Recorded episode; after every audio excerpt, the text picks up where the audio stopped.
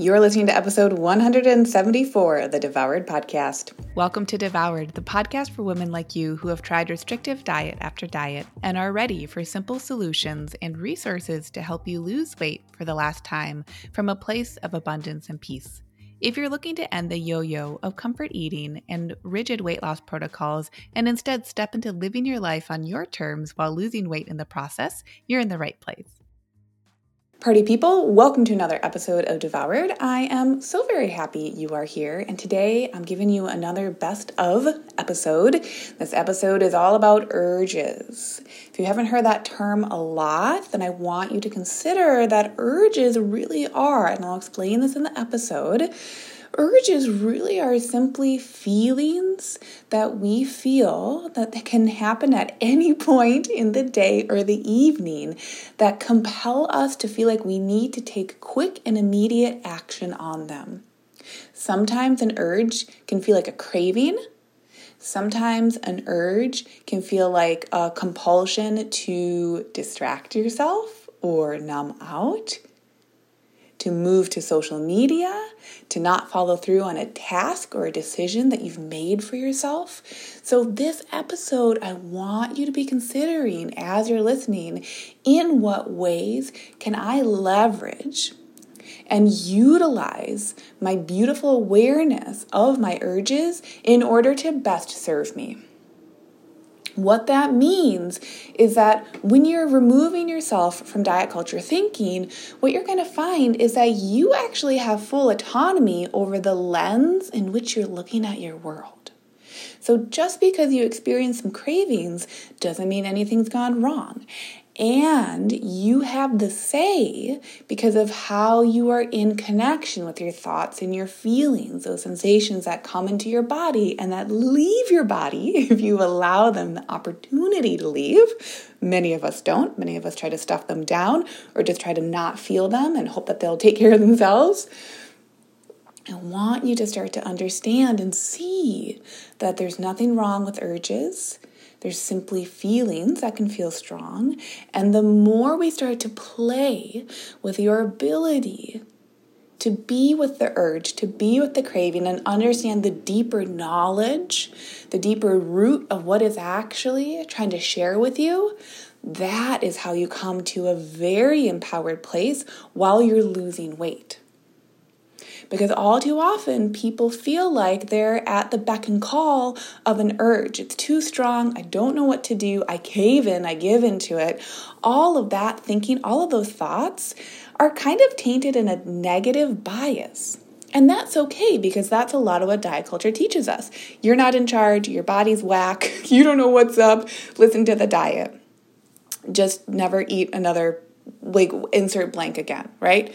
So, take the information from this best of episode this week and really allow it to fuel you towards what feels most empowering for you. And that means that you make a decision. Like, really hear this part.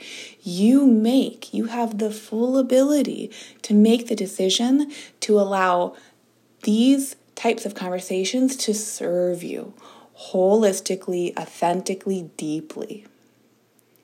So I honor you wherever you are right now, and I hope that this episode finds you so well. Let's talk about urges today. Urges are a very common, normal human experience. So, the definition of an urge is a strong desire or impulse. It's a desire, a need, impulse. Compulsion could be a very strong urge feeling a longing for, a yearning for. All of these are different ways of describing the energy of an urge. So, urges are really common, normal human experiences. We all have the experience of feeling and either stifling or following through with an urge. And in fact, much of our lives are governed by experiencing an urge and then unconsciously following through on that urge. Now, a lot of coaching can center around trying to move past that urge. and I wanted to use example of like biting your nails or playing with your hair, right? These can be subconscious habits that we use to either help us experience an uncomfortable emotion or a thought, or they're habits that we engage in while we're processing those uncomfortable emotions. Think about it. When is someone like biting their nails? When they're nervous, when they're overwhelmed, when they're feeling like anxiety why is someone playing with their hair? Maybe they're playing with their hair on the drive to an important doctor's appointment or subconsciously when they're making a big phone call. Those are just two very small examples of urges that can occur when we're experiencing a less than comfortable emotion. So, when we focus on quote unquote breaking an urge that we've labeled as bad, right? Those are two examples where in our like collective consciousness we consider consider them bad habits. All we're really doing is reinforcing that old thought, that old way of being that something is wrong, something needs to change, and we need to be doing less of the thing. Now, I find this fascinating because that mode of thinking right there is intrinsically setting ourselves up for focusing on lack instead of abundance, focusing on being anti instead of focusing on anything but, and thinking about the thing more. So I want you all to be hearing this today because it's so easy to slide into. I still do this too. I talk about these subjects, but like it's because your girl processes them and metabolizes them too if you're thinking about now i'm uh, not a, a, nail biter but i historically have been like a cuticle picker. It's just it is you know long standing habit there. If you really think about every single time and if i really think about every single time i historically would try to end that habit i would try to focus on ending the habit by focusing on it. Oh i shouldn't pick my cuticles or you know like play with my fingers I shouldn't be doing that. Oh, I see that I'm doing that right now. Oh, like, let me stop. Oh, I'm noticing that I'm experiencing X, Y, and Z. And when I'm nervous, then that's when I tend to feel like I want to fidget and play with those cuticles or nails. Like insert blank there. Where most of us tend to have some sort of a habit that crops up unconsciously. Even if we become conscious of it, it can crop up unconsciously. And here's the deal with these habits that we don't find as useful. The only thing that matters, because like anyone can experience any urge they want for the most part, okay, like most people. no serial killers, okay? Like, we're not going to those subjects here, but you can be experiencing a whole lot of urges and feel every single right to, to follow through and carry on with them. So, the only reason we ever need to be changing or addressing or shifting an urge is when they are no longer serving us in the long term. So, this is why understanding what an urge is and where they come from is going to be supportive for you on your weight loss journey because it takes a lot of the fuzzy, maybe not so clear actions that we're taking, why is it that I walk into the pantry at 3 p.m. every day? Why is it that like I make myself a nourishing dinner at the end of the day, but like and give myself like a pretty damn delicious dessert, but then I'm still thinking about the kitchen 24/7? Why is it that reaching for some, you know, cheesy poofs is like fun at first, I feel satisfied, but then I keep doing it and I feel like I can't stop? Those are all also examples of urges. And so when we're looking at how do we come into a liberatory experience with weight loss, we need to be understanding that and my clients are going to be sick of hearing me say this, but that nothing has gone wrong when we recognize that we have certain habits, certain urges that have become normalized in our lives. So, the number one thing I want you all to be thinking about today is not only giving yourself some space, if this is the first time you've thought about what some of your urges might be, I want you to give yourself space this week simply to be with yourself and notice, oh, like from a place of curiosity too. Oh, isn't it so interesting? Why is it that I tend to skip lunch or just grab something on the go? Why is it that it's hard to remember what I ate for dinner last night? Why is it that it doesn't feel like chocolate satisfying until I've had eight pieces of it?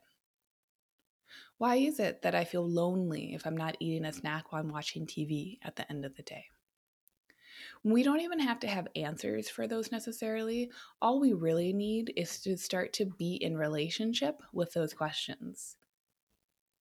Because when we can start to bring up those questions and pull them out of our unconscious, right? Just going about our lives without thinking about much of what you're doing, what we're doing, when we can bring it out of that unconscious thought pattern and into consciousness, that alone, right there, it might seem so subtle, but that in and of itself is creating communication with that way of being, with that urge, with that habit. So when I tell you, if you want to try something this week, just bringing into awareness what different actions you're taking, that in and of itself is absolutely huge and humongous. A lot of people will say like, "Oh, okay, I realize what I need to do. What what should I do to fix it?" We actually need to spend time with what we're doing. We need to start to metabolize our different actions and come into the present moment with them. When we do that, then we're creating not only a relationship, but a relationship built in trust with those urges and those habits. Because if we can recognize, man, I don't care about the chocolate unless I've had eight pieces at the end of the day. Why is that? And we feel like we can have that thought without trying to fix it, without trying to should ourselves away from it, without trying to make it bad or make us bad or make it good or make us good. When we can simply just be with it that's where you're going to start to find so much information can crop up. So I want you to really listen to that part because this process of not only identifying urges, but then being with them, that process is very subtle. And once we take those two steps, it's then at that point we can decide now that I have this relationship with this action, this urge, and I've been able to be around it without provoking major feelings in myself. I got to get rid of it. I need to be anti that. I should stop doing it. I should do something else. Then we're allowing the actual feelings to come up out, of our bodies. That is always going to be the true core and true foundation of any shift or change that will sustain you through your life and lifestyle. That will automatically take any choice out of being more of a diety, quick term choice. Oh, I should just stop doing that. Well, that'll last like one time until it feels so uncomfortable. You keep doing the habit.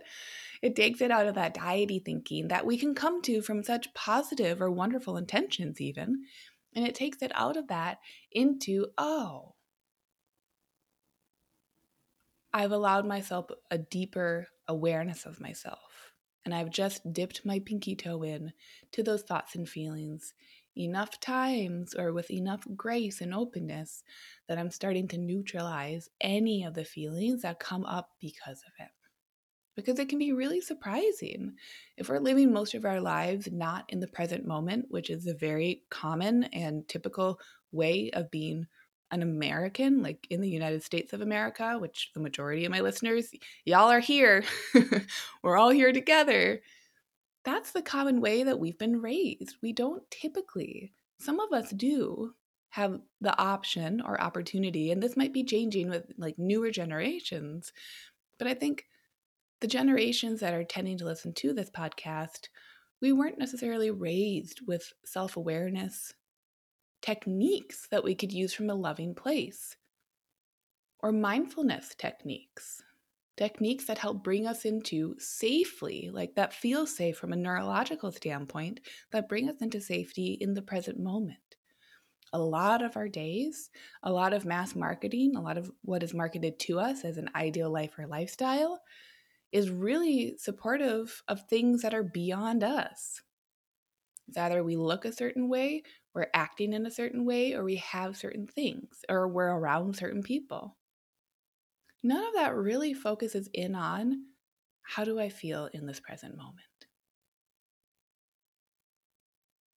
If we can drop into that space, not even from a place of trying to fix or save an urge, but instead from a place of just being, of creating the capacity to drop into the present moment, I think what a lot of you will find is that these subjects weight loss, food choices, exercise, movement, sleep, self care they actually start to become simple. And no one can claim that simplicity except you for yourself. So I want you to give that all. So I want all of you to give that a try this week what happens when you drop into the present moment, not from a place of fixing or shooting or getting through or powering through, but even if it's the teeniest, tiniest pinky toe into the pool of the present moment, when we're feeling or noticing an urge that is coming up that we might be enacting or desiring to shift away from. Can we create this week the capacity to be with that urge? without expectation, without judgment, and see what arises from there. That can be one of the most powerful practices that you'll have in your life. And we can do it around food and nutrition. And where we practice one thing, we're going to build competence in that practice. And then it can apply to any other part of our life if we would so like it to. So I hope you all have a great week, and I'll see you in the next episode. Did you know you can find more support from me on my website? Go to Lucia Hawley, L U C I A H A W L E Y dot com to connect.